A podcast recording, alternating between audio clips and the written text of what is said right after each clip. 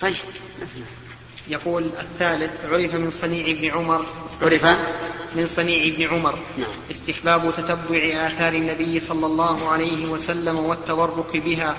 وقد قال البغوي في من الشافعية أن المساجد التي ثبت إن, إن, إن. المساجد التي ثبت أن النبي صلى الله عليه وسلم صلى فيها لو نذر أحد الصلاة في شيء منها تعين كما تتعين المساجد الثلاثة. الرابع ذكر البخاري المساجد هذا غير صحيح. هذا غير صحيح. ليست تقصد للتبرك بها. حتى المساجد الثلاثة ما تقصد التبرك بها. إنما تقصد لكثرة الثواب. ثم أيضا لو نذر أحد أن يصلي في المكان الذي صلى فيه الرسول عليه الصلاة والسلام لكان هذا النذر نذر ما لا يستطاع. لأن ثبوت أن النبي صلى الله عليه وسلم في الوقت الحاضر صلى في هذا المكان بعيد جدا. فإذا نظر قلنا كفر كفارة يمين وصلي حيث شئت. نعم. الرابع ذكر البخاري المساجد التي في طرق المدينة ولم يذكر المساجد التي كانت بالمدينة لأنه لم يقع له إسناد في ذلك على شرطه. وقد ذكر عمر بن شبة في أخبار المدينة المساجد والأماكن التي صلى فيها النبي صلى الله عليه وسلم بالمدينة مستوعبا وروى عن وروي عن أبي غسان وروى عن أبي غسان عن غير واحد من أهل العلم أن كل مسجد بالمدينة ونواحيها مبني بالحجارة المنقوشة المطابقة فقد صلى فيه النبي صلى الله عليه وسلم وذلك أن عمر بن عبد العزيز حين بنى مسجد المدينة سأل الناس وهم يومئذ متوافرون عن ذلك ثم بناها بالحجارة المنقوشة المطابقة. وقد عين عمر بن شبة منها شيئا كثيرا لكن أكثره في هذا الوقت قد اندثر.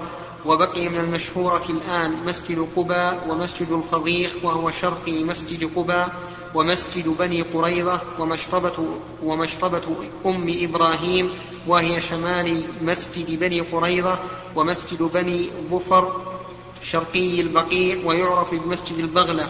ومسجد بني معاوية ويعرف بمسجد الإجابة ومسجد الفتح قريب من جبل سلع ومسجد القبلتين في بني سلمة في بني سلمة. هكذا أثبته بعض شيوخنا وفائدة معرفة ذلك ما تقدم عن البغوي والله أعلم. فائدة غير مفيدة. قال البخاري رحمه الله تعالى بسم الله الرحمن الرحيم. أبواب سترة المصلي. باب باب سترة الإمام سترة لمن.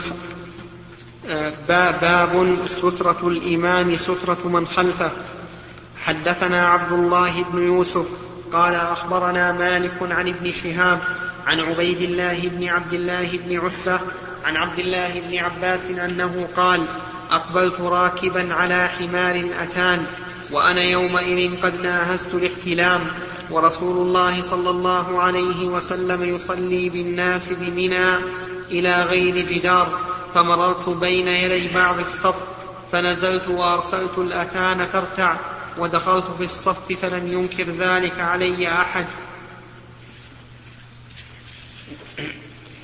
حدثنا باب سترة الإمام سترة من خلفه. واستدل بحديث عبد الله بن عباس. ووجه الاستدلال منه أنه قال مررت بين يدي بعض الصف فنزلت وأرسلت الأتان فرقا وهذا يدل على أن سترة الإمام سترة من خلفه وإلا لحرم أن يمر بين يدي بعض الصف. لأن المرور بين يدي المصلي وسترته من كبائر الذنوب كما سبق. فلما أقر ابن عباس ولم ينكر عليه أحد دل هذا على أن سترة الإمام سترة سترة من خلفه.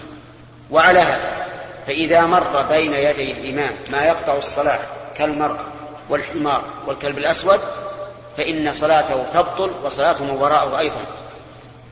لأن سترته سترة لهم.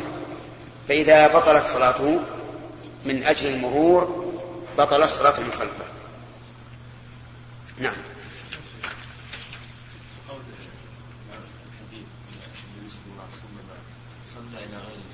نعم ثم تقول الإمام البخاري أن سترة الإمام سترة من خلفه ليس للنبي صلى الله عليه وسلم شرطة في الصلاة كما نص على ذلك إيش؟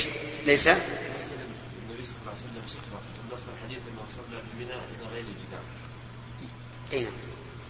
لا يقولون يقول هؤلاء إن نفي الجدار لا يقتضي نفي السترة إذ قد يكون مستترا بالعنزة نعم سليم.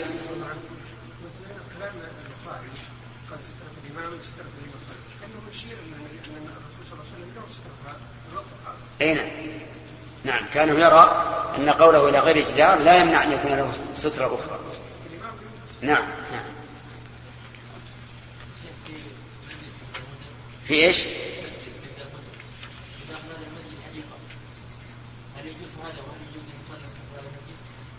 إي نعم. لا بأس لكن الحديقة إذا كان فيها نافورة فإنها تشغل المصلين. وأنا رأيت ذلك في بلد ما مسجد في وسطه مسعى صغيرة وفيها نافورة. هنا سبحان الله. منتزه. نعم؟ منتزه. لا لا ما هو كبير المسجد المسجد يمكن إلى الزاوية هذه. نعم. قال البخاري رحمه الله تعالى بسم الله الرحمن الرحيم. أبواب سترة المصلي. باب سترة الإمام سترة من خلفه. حدثنا خلصنا منه. نعم. خلصنا من الأول. حدثنا إسحاق. نعم. حدثنا إسحاق. قال حدثنا عبد الله بن نمير قال حدثنا عبيد الله عن نافع عن ابن عمر أن رسول الله صلى الله عليه وسلم كان إذا خرج يوم العيد أمر بالحربة فتوضع بين يديه فيصلي إليها والناس وراءه وكان يفعل ذلك في السفر فمن, ثم اتخذها الأمراء قول إذا خرج يوم العيد فيه دليل على أن السنة لأهل المدينة أن يصلوا العيد خارج البلد خلافا للعمل اليوم. أهل المدينة اليوم يصلون العيد في المسجد النبوي وهذا خلاف السنة. السنة أن يكون في خارج البلد كما كان النبي صلى الله عليه وعلى آله وسلم يفعله.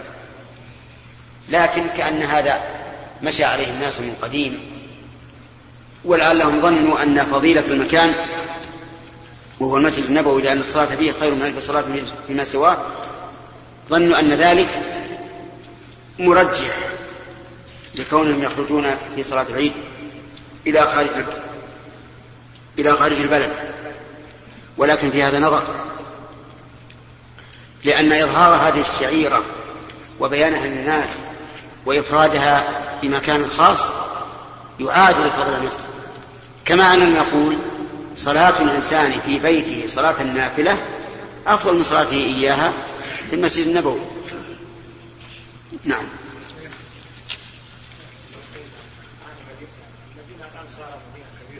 نعم. نعم. لو قيل هذا لقلنا حله صحيح. يسير. يجعل في كل ناحية مصلى. عيد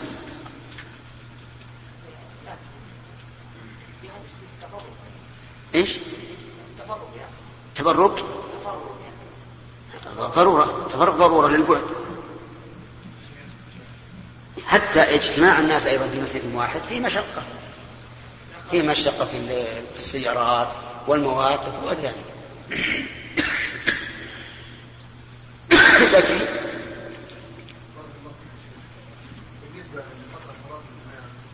بالنسبة؟ نعم.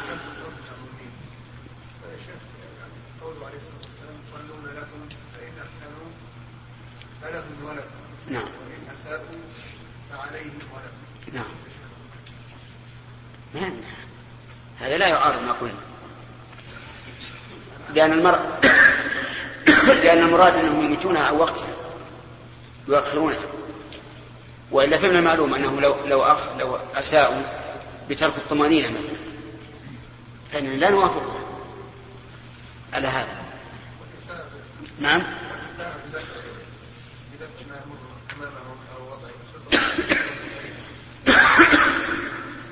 يقال أساءوا وبطل صلاتهم لأنهم فتبطل صلاتهم لأن سترتهم سترة لنا فكأن هذا المار مر بين أيدينا وبين سترتهم. نعم.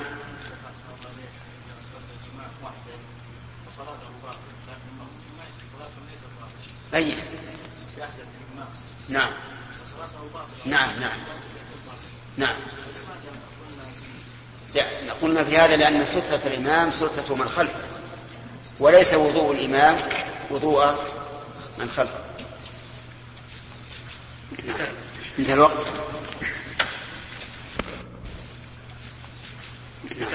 انتهى الوقت؟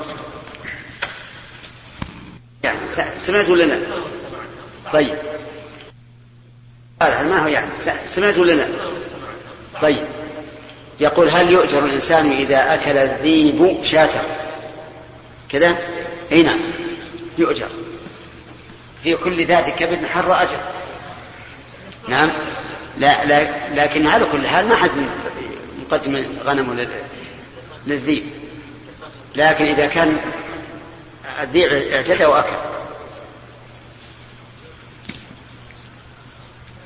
نعم.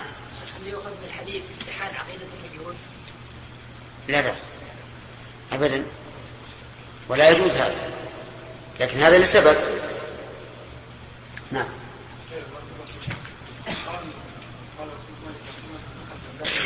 إيش؟ نعم.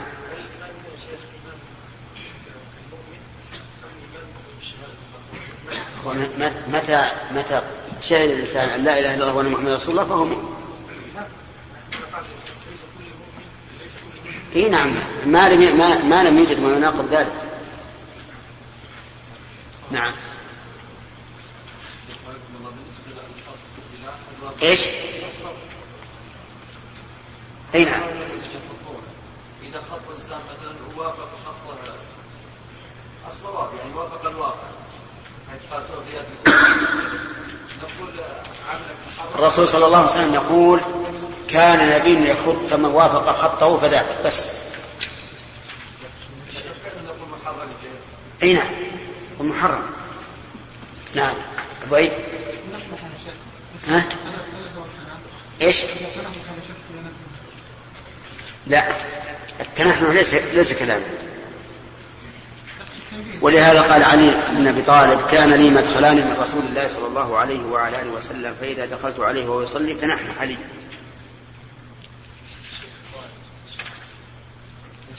قرأ في صلاته مثلا صوت الأعلى اسم ربك الأعلى لا في الفريضة ما نقل عن الرسول عليه الصلاة والسلام لكن في النفل كان إذا مر بآيات التسبيح سبح الضابط في الصلاة بين المسلم والمسلمين يعني بعض العمال هم المسلمين شباب يصلون تحرك أي. لكن ما ما ما ما أدري هذه يدخل في الإيمان. لا لا. هذا ما لكن إذا صلى قصد التعبد لا بهذا هل؟ نعم. صحيح. كأنه لما لما ثبت عن النبي عليه الصلاة والسلام أنه التشهد يفترش ويتورك وأن التشهد يحتاج إلى يعني إلى طول إلى طول مكث. والإيقاع يتعب الرجل. يتعب الرجل وربما يتعب العجيز أيضا. حملوه على ذلك. نعم. هذا آخر سؤال عند ابن داود. إيش؟ من قال؟ أنا أنا. اي فقلت لهم مسلمون قالوا لا فايش هو الإسلام؟ قلت الإسلام تقول لا إله إلا الله ومحمد رسول الله. قال هكذا قال هذه الكلمة. ها؟ قال هذه الكلمة يعني قال لا إله إلا الله ومحمد رسول الله. يعني شهادة لا إله إلا الله. ها؟ ثم قلت لهم يعني اذهبوا إلى المسجد وصلي عدمتم الصلاة. فقال أنتم تعالوا. يعني يريد الرجل هذا معه أربعة. يريد أن نأتي إلى. أن تأتون إلى. إليه كنيسته نأتي إليه في عمله معلم الإسلام. آه. ونطقها أمامي أنا ما رجعت إليه. وكلم بس كلم أصحاب المسجد. قالوا لا يعني لا يخلى لا يخلى بيننا وبينهم أن نكلمهم ونعلمهم المهم على أي حال. إذا ماتوا هؤلاء على هذا الحال قد تنفعهم؟ عند الله. ربما تنفعهم إذا إذا لم يعلموا عن عما سواه. هذا الظاهر. طيب.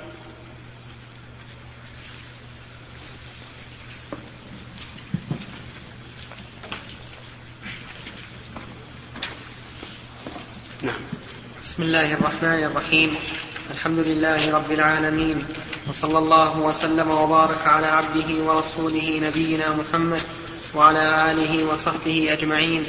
قال الإمام البخاري في رحمه الله تعالى في صحيحه أبواب سترة المصلي باب سترة الإمام سترة من خلفه. حدثنا أبو الوليد قال حدثنا شعبة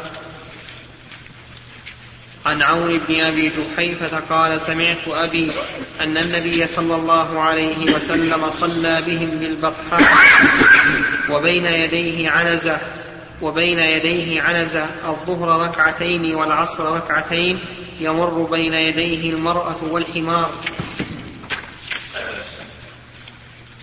باب باب قدر كم ينبغي أن تكون بين المصلي والسترة.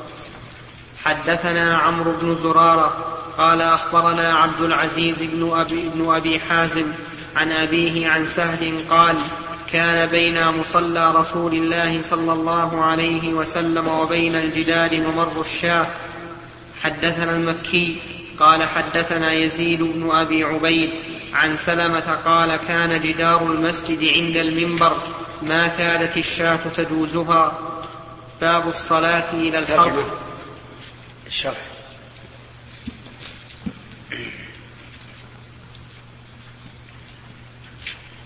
قال الحافظ قال الحافظ رحمه الله قوله باب قدر كم ينبغي أن يكون بين المصلي والسترة أي من ذراع ونحوه والمصلي بكسر اللام على أنه اسم فاعل ويحتمل أن يكون بفتح اللام أي المكان الذي يصلى فيه. قوله عن أبيه في رواية أبي داود والإسماعيلي أخبرني أبي قوله عن سهل زاد الأصيلي ابن سعد قوله كان بين مصل كان بين مصلى رسول الله صلى الله عليه وسلم أي مقامه في صلاته وكذا هو في رواية أبي داود قوله بي وبين الجدار أي جدار المسجد مما يلي القبلة. وصرح بذلك من طريق أبي غسان عن أبي حازم في الاعتصام. قوله ممر الشاه بالرفع وكان تامة أو ممر اسم كان بتقدير قدر أو نحوه. والظرف والظرف الخبر. وأعربه الكرماني بالنصب على أن ممر خبر كان. واسمها نحو قدر المسافة. قال والسياق يدل عليه. قوله عن سلمة يعني ابن الأكوع وهذا ثاني ثلاثيات البخاري. قوله كان جدار المسجد كذا وقع في رواية مكي ورواه الإسماعيلي من طريق أبي عاصم عن يزيد بلفظ كان المنبر على عهد رسول الله صلى الله عليه وسلم. ليس بينه وبين حائط القبلة إلا قدر ما تمر العنزة. أو العنزة. العنزة. فتبين بهذا السياق أن الحديث مرفوع. قوله تجوزها ولبعضهم أن تجوزها أي المسافة وهي ما بين المنبر والجدار. فإن قيل من أين يطابق الترجمة؟ أجاب الكرماني فقال نحيث إنه صلى الله عليه وسلم كان يقوم بجنب المنبر. أي, وي أي ولم يكن لمسجده محراب فتكون مسافة ما بينه وبين الجدار نظير ما بين المنبر والجدار. فكأنه قال والذي ينبغي أن يكون بين المصلي وسترته قدر ما كان. والذي ينبغي أن يكون بين المصلي وسترته آه، قدر ما كان بين منبره وجد وجدار القبلة. وأوضح من ذلك ما ذكره ابن رشيد أن البخاري أشار بهذه الترجمة إلى حديث سهل بن سعد الذي تقدم في باب الصلاة على المنبر والخشب فإن فيه أنه صلى الله فإن فيه أنه صلى الله عليه وسلم قال قام على المنبر حين عمل فصلى عليه فاقتضى ذلك أن ذكر المنبر يؤخذ منه موضع, موضع قيام المصلي. فإن قيل إن في ذلك الحديث أنه لم يسجد على المنبر وإنما نزل فسجد في أصله وبين أصل المنبر وبين الجدار أكثر من ممر الشاه. أجيب بأن أكثر أجزاء الصلاة قد حصلت في أعلى المنبر وإنما نزل عن المنبر لأن الدرجة لم تتسع لقدر سجوده فحصل بذلك المقصود. وأيضا فإنه لما سجد في أصل المنبر صارت الدرجة التي فوقه سترة له وهو قدر ما تقدم. قال ابن بطال وها قال ابن بطال هذا أقل ما يكون بين المصلي وسترته يعني قدر ممر الشاة. وقيل أقل من ذلك ثلاثة أذرع. وقيل أقل ذلك ثلاثة أذرع. لحديث بلال أن النبي صلى الله عليه وسلم صلى في الكعبة وبينه وبين الجدار ثلاثة أذرع. كما سيأتي قريبا بعد خمسة أبواب. وجمع الداودي بأن أقله ممر الشاه وأكثره ثلاثة أذرع. وجمع, بعض وجمع بعضهم بأن الأول في حال القيام والقعود والثاني في حال الركوع والسجود. وقال ابن الصلاح قدروا ممر الشاة بثلاثة أذرع. نعم قدروا ممر الشاة بثلاثة أذرع. قلت ولا يخفى ما فيه. وقال البغوي هذا واضح تضع سيارة. نعم. ولا يخفى ما فيه. صحيح ما يخفى. وقال لا يخفى ما فيه. ما يمكن يكون ممر الشاة ثلاثة نعم. وقال البغوي استحب أهل العلم الدنو من السترة بحيث يقوم بينه وبينها آه، قدر إمكان السجود وكذلك بين الصفوف. وقد ورد الأمر بالدنو منها وفيه بيان الحكمة من ذلك. وهو ما رواه أبو داود وغيره من حديث سهل بن أبي حثمة مرفوعا إذا صلى أحدكم إلى سترة فليدن منها لا يقطع الشيطان عليه صلاته. الظاهر والله أعلم أن ممر الشاة فيما بينه وبين مسجده. وإن كان في بعض الألفاظ التي ذكر الشارح من مقامه. لأن لأن ممر الشاة لو قلنا بين مقامه وبين الجدار ممر الشاة لم يتمكن من السجود. لأن ممر الشاة إذا قدرنا من القدم لا يتجاوز نصف ذراع. وهذا لا يمكن أن تقع فيه السجود أن يقع فيه السجود. والظاهر لي أن أن أن تقديرهم بممر الشاة يعني منتهى سجوده. بينه وبين السترة قدر ممر الشاة نعم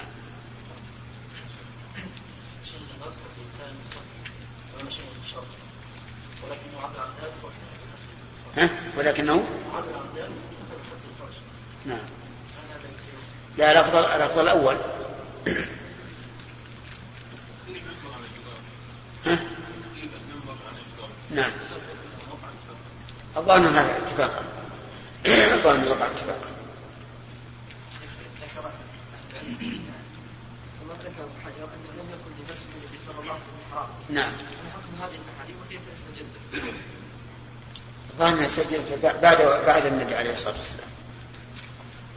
لكني لا أدري متى.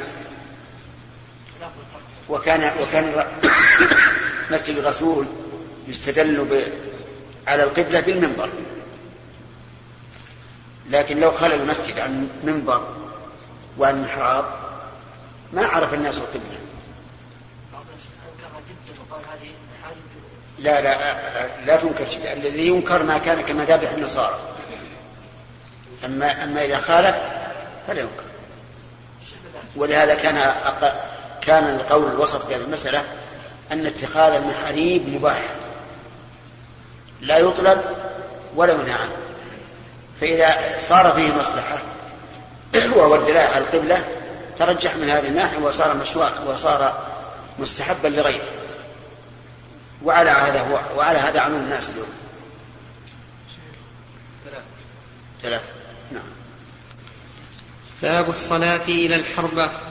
حدثنا مسدد قال حدثنا يحيى عن عبيد الله قال أخبرني نافع عن عبد الله أن النبي صلى الله عليه وسلم كان يركز له الحربة فيصلي إليها. باب الصلاة إلى العنزة. حدثنا آدم قال حدثنا شعبة قال حدثنا عون بن أبي جحيفة قال سمعت أبي قال خرج علينا رسول الله صلى الله عليه وسلم بالهاجرة فأتي بوضوء فتوضأ فصلى, فصلى بنا الظهر والعصر وبين يديه عنزة والمرأة والحمار يمرون من ورائها. حدثنا محمد بن حاتم بن بزيع قال حدثنا شاذان عن شعبة عن عطاء بن أبي ميمونة قال سمعت أنس بن مالك قال كان النبي صلى الله عليه وسلم إذا خرج لحاجته تبعته أنا وغلام ومعنا عكازة أو عصا أو عنزة ومعنا إداوة فإذا فرغ من حاجته ناولناه الإداوة. الفرق بين العنزة والحربة أن العنزة مدورة مدببة والحربة مسطحة وكلها في طرف رمح كلاهما في طرف رمح لكن هذه مسطحة كالنشط الحربة. والعنزة مدببة لها رأس.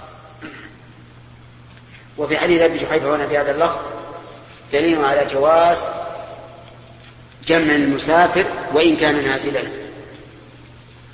لأنه يقول إنه خرج فصلى الظهر والعصر. وهذا هو الصحيح. أنه يجوز للمسافر أن يجمع وإن كان نازلا لكن ترك الجمع أفضل. أما إذا كان سائرا فالجمع أفضل. نعم بالنسبة للمحراب بعض الناس يتسلل فيه في البدعة. وفيه مصالح. بعض الناس؟ نعم. وفيه مصالح معلومة ما في ضرر. صحيح. نعم ما في شك ما في شك. مصلحته ظاهرة.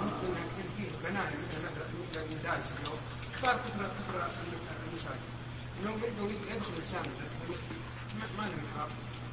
ما يكتب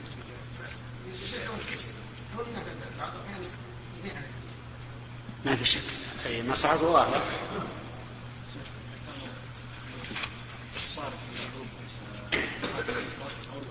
احد الناس نعم. لماذا نحن نقول اذا صلى احد سترة واراد ان احد احد يموت واذا لم يصلي سترة كان نحمل على الأمور لا. على المصلي وعلى المعروف لا ما يمكن نحملها لأنه إذا صلى أحدكم يقطع. ما قال مع الإمام. نعم. أنت. المحراب المعني في قوله تعالى فلما دخل عليها زكريا المحراب. إيه. يعني ليس هو المحراب. هذا أي ما المحراب قالوا مكان العبادة. يعني مكان مثل المصلي. وليس ولهذا يوجد في بعض المساجد. رأيتها في بعض البلاد. بلادنا مكتوب على المحراب فلما دخل عليها زكريا المحراب. ولكن ما يكتبون وجد عندها رزقا يخافون يطالبون. اللهم. هذه ما لها دخل أبدا أش- أشكالها على الشكل. محاريب لها شكل معين. ولهذا لم لم ينهى عن المذابح مطلقا. مذابح كمذابح النصارى. وفي الحقيقة أن أن المحراب لا بد منه في وقتنا لكثرة الجهل وعدم المعرفة. وقد حكى لي شخص من الناس أن مسجدا من المساجد أخطأ فيه الفراش وكان كان الفرش في الأول سجاجيد وفي فيها محاريب. صورة مق- مقوسة. يقول فأخطأ الفراش فجعل هذه الفرش محاريبها نحو عكس القبلة. يقول فدخل رجل فوجد المحاريب هكذا فصلى وجعل القبلة وراءه. فالمحراب لا بد منه في الوقت الحاضر. نعم. الحين يا شيخ الناس يجهلون مع وجود المحراب. نعم. أقول الناس الآن يجهلون مع وجود المحراب. هذا حصل أحيانا. يدخل الناس في المسجد عندنا هنا ويستقبلون. قبل كم ليلة واحد صلى ولقانا وجهه. والقبلة عن يمينه صحيح. نعم. هذه وسائل بارك الله فيك من عباده إي ولو قالوا. هم يقولون هذه الخطوط بدعة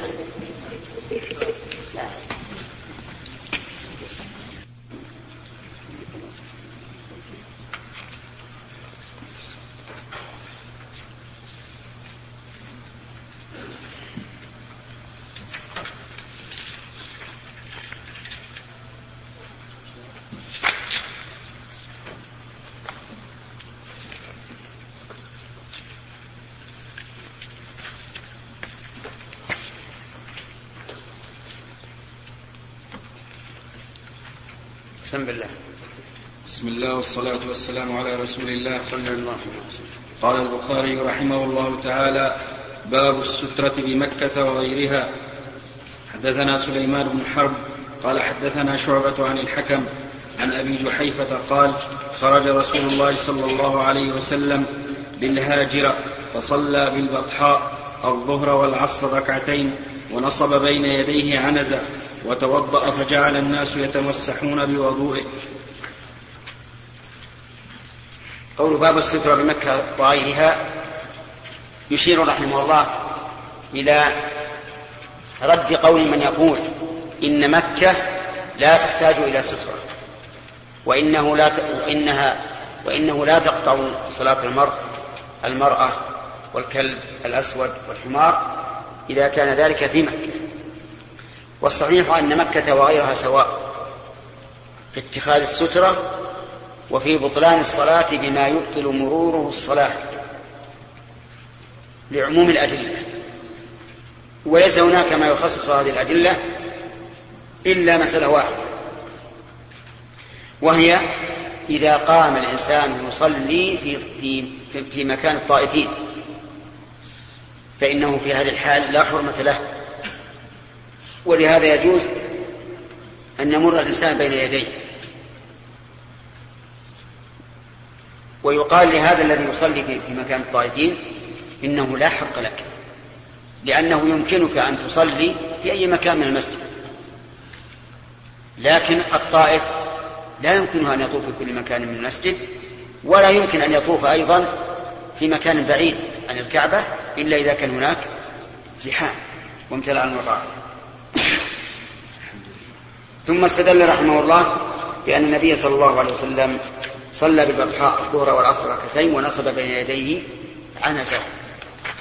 وتوضأ فجعل الناس يتمسحون بوضوءه هذا الحديث فيه الترتيب الذكري للمعنوي لأن وضوءه كان قبل صلاته.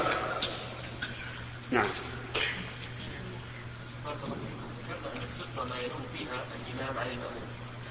إيش أن الستره؟ نعم.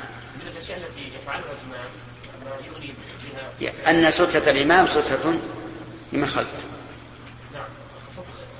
السؤال. نعم. آه على هذا القول آه ما هو توجيه يعني قولنا أن اذا الإمام لم يتخذ ستره نعم. فاذا مر حمار بين يدي الماموم لا تبطل. بين يدي المأموم؟ نعم. لا تبطل نعم نعم. لأنه تابع الإمام والإمام لم يمر بين يديه شيء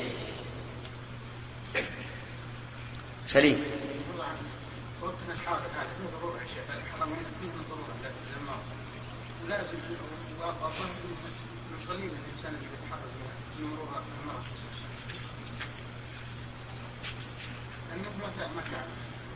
والإنسان إذا أبعد يا سليم نحن جربنا. إذا أبعد الإنسان سلم من ذلك. أما اللي يأتي مثلا في زمرة الناس فالناس سوف يخرجون ويتعدون ويتجاوزونه الحمد لله صل محل ثاني. النفل صل محل ثاني. والفريضة ما لا يضرك ما مر, ما مر بين يديك نعم. باب الصلاة إلى الأسطوانة. وقال عمر المصلون أحق بالسواري من المتحدثين إليها. ورأى عمر رجلا يصلي بين أسطوانتين فأدناه إلى سارية فقال صل إليها. حدثنا المكي بن إبراهيم قال حدثنا يزيد بن أبي عبيد قال كنت آتي مع سلمة بن الأكوع فيصلي عند الأسطوانة التي عند المصحف. فقلت يا أبا مسلم أراك تتحرى الصلاة عند هذه الأسطوانة؟ قال فإني رأيت النبي صلى الله عليه وسلم يتحرى الصلاة عندها. شرح حديث قوله باب الصلاة إلى الأسطوانة أي السارية وهي بضم الهمزة وسكون السين المهملة. وضم الطاء بوزن أفعوان على المشهور وقيل بوزن فعلوان والغالب أنها تكون من بناء بخلاف العمود فإنه من حجر واحد. قال ابن بطال لما تقدم أنه صلى الله عليه وسلم كان يصلي إلى الحربة كانت الصلاة إلى الأسطوانة أولى لأنها أشد سترة. قلت لكن أفاد ذكر ذلك التنصيص على وقوعه والنص أعلى من الفحوى. قوله وقال عمر هذا التعليق وصله ابن أبي شيبة والحميدي من طريق من طريق همدان وهو بفتح الهاء وسكون الميم وبالدال المهملة وكان بريد عمر أي رسوله إلى أهل اليمن عن عمر به. وجه الأحقية أنهما مشتركان في الحاجة إلى السارية المتخذ المتخذة هكذا يا شيخ. نعم. إلى الاستناد إلى الاستناد والمصلى لجعلها سترة. لكن لكن المصلي في عبادة لكن المصلي في عبادة محققة فكان أحق. قوله ورأى ابن عمر كذا ثبت في رواية أبي ذر والأصيل وغيرهما وعند بعض الرواة ورأى عمر بحذف ابن وهو أشبه بالصواب فقد رواه ابن أبي شيبة من طريق معاوية بن قرة ابن إياس المزني عن أبيه وله صحبة قال رآني عمر وأنا أصلي فذكر مثله سواء لكن زاد فأخذ بقفاي. وعرف بذلك تسمية المبهم المذكور في التعليق. وأراد عمر بذلك أن تكون صلاته إلى سترة إلى سترة. وأراد البخاري بإيراد أثر عمر هذا أن المراد بقول سلمة يتحرى الصلاة عندها أي إليها. وكذا قول أنس يبتدرون السواري أي يصلون إليها. قوله وحدثنا المكي إلى قوله. نعم. قوله قوله وحدثنا المكي هو ابن إبراهيم كما ثبت عند الأصيل وغيره وهذا ثالث ثلاثيات البخاري وقد ساوى فيه البخاري وقد ساوى فيه البخاري شيخه أحمد بن حنبل فإنه أخرجه في مسنده عن مكي بن إبراهيم. قوله التي عند المصحف هذا دال على أنه كان للمصحف موضع خاص موضع خاص به. ووقع عند مسلم بلفظ يصلي وراء الصندوق وكأنه كان للمصحف صندوق يوضع فيه. والأسطوانة المذكورة حقق لنا بعض مشايخ بعض مشايخنا أنها المتوسطة في الروضة المكرمة وأنها تعرف بأسطوانة المهاجرين. قال وروي عن عائشة أنها كانت تقول لو عرفها الناس لاضطربوا عليها بالسهام وأنها وقال وروي عن عائشة أنها كانت تقول لو عرفها الناس لاضطربوا عليها بالسهام وأنها أسرتها إلى ابن الزبير فكال فكال يا شيخ كاد؟ فكال. كان. فكان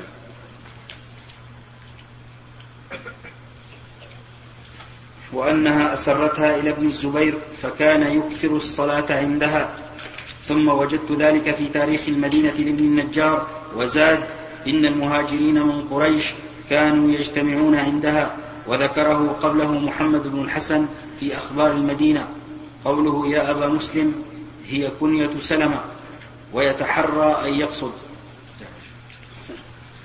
المتن.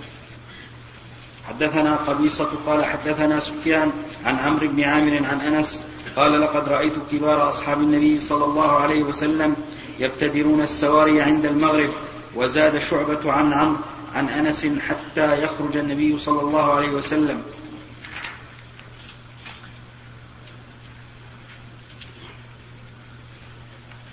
نعم. في إشكال هذا؟ واضح.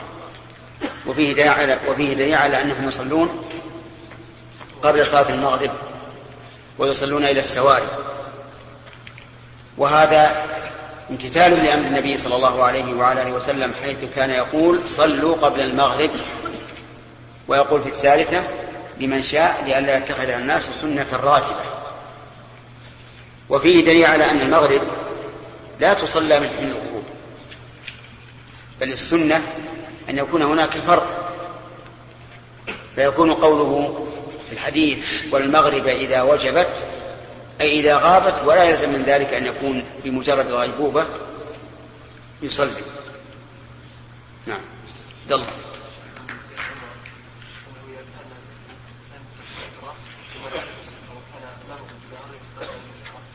نعم. تفضل.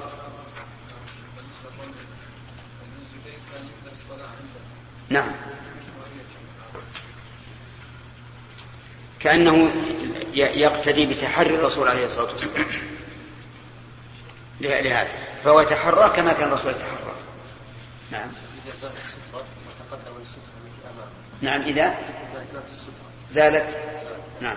ويريد أن يتقدم الستر أمامه أي نعم لا بأس. الضابط في هذا كم خطوة له خطأ عشر بس المهم إذا إذا كانت لا, لا, لا تتوالى إن كثرت الخطى فيجب أن لا تتوالى وإن قلت كثلاث وأربع ما يضر باب الصلاة بين السواري في غير جماعة. حدثنا موسى بن إسماعيل قال حدثنا جويرية عن نافع عن ابن عمر قال دخل النبي صلى الله عليه وسلم البيت وأسامة بن زيد وعثمان بن طلحة وبلال فأطال ثم خرج. كنت أول الناس دخل على أثره فسألت بلالا أين صلى؟ قال بين العمودين المقدمين. حدثنا عبد الله بن يوسف قال أخبرنا مالك عن نافع عن عبد الله بن عمر أن رسول الله صلى الله عليه وسلم دخل الكعبة دخل الكعبة وأسامة بن زيد وبلال وعثمان بن طلحة الحجبي فأغلقها عليه ومكث فيها فسألت بلالا حين خرج ما صنع النبي صلى الله عليه وسلم قال جعل عمودا عن يساره وعمودا عن يمينه وثلاثة أعمدة وراءه وكان جعل؟ نعم. قال جعل. قال جعل عمودا عن يساره وعمودا عن يمينه وثلاثة أعمدة وراءه. وكان البيت يومئذ على ستة أعمدة ثم صلى. وقال لنا إسماعيل حدثني مالك. وقال عمودين عن يمينه.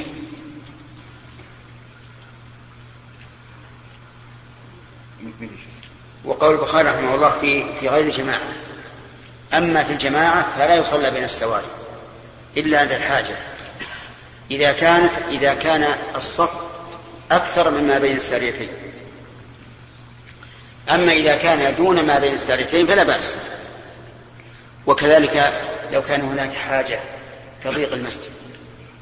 والحاصل أن السواء أن الصلاة بين السواري إن كانت من منفرد فلا بأس بها. إن كانت من جماعة لا لا يزيد صفهم على ما بين الساريتين فلا بأس بها.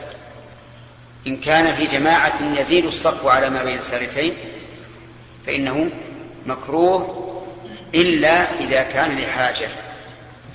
وإنما كره في هذه الحال لأن السارية تفصل بين الصف فتقطع الصف. فلذلك كره حتى كان الصحابة يضربون على ذلك. نعم.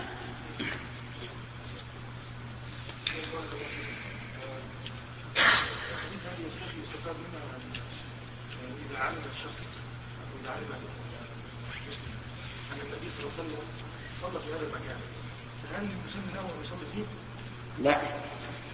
ما وقع صدفة فقال فهذا لا يسلم لكن هذا الحديث يقول إن الرسول يتحرى الصلاة عنده يتحرى فهو يقصدها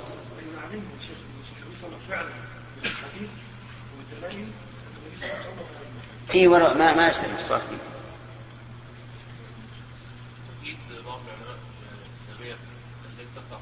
نعم. نعم. ظاهر الحديث أنه لا, لا دليل على ذلك والغالب ان السواري في عهد الرسول عليه الصلاة والسلام ليست واسعه كبيره عندك الشرح؟ من الترجمة. قوله باب الصلاة بين السواري في غير جماعة. إنما قيدها بغير الجماعة لأن ذلك يقطع الصفوف وتسوية الصفوف في الجماعة مطلوب. وقال الرافعي في شرح المسند احتج البخاري بهذا الحديث أي حديث ابن عمر عن بلال على أنه لا بأس بالصلاة بين الساريتين إذا لم يكن في جماعة وأشار إلى أن الأولى للمنفرد, للمنفرد أن يصلي إلى السارية ومع هذه الأولوية فلا كراهة في الوقوف بينهما أي للمنفرد. وأما في الجماعة فالوقوف بين الساريتين كالصلاة إلى السارية. أيها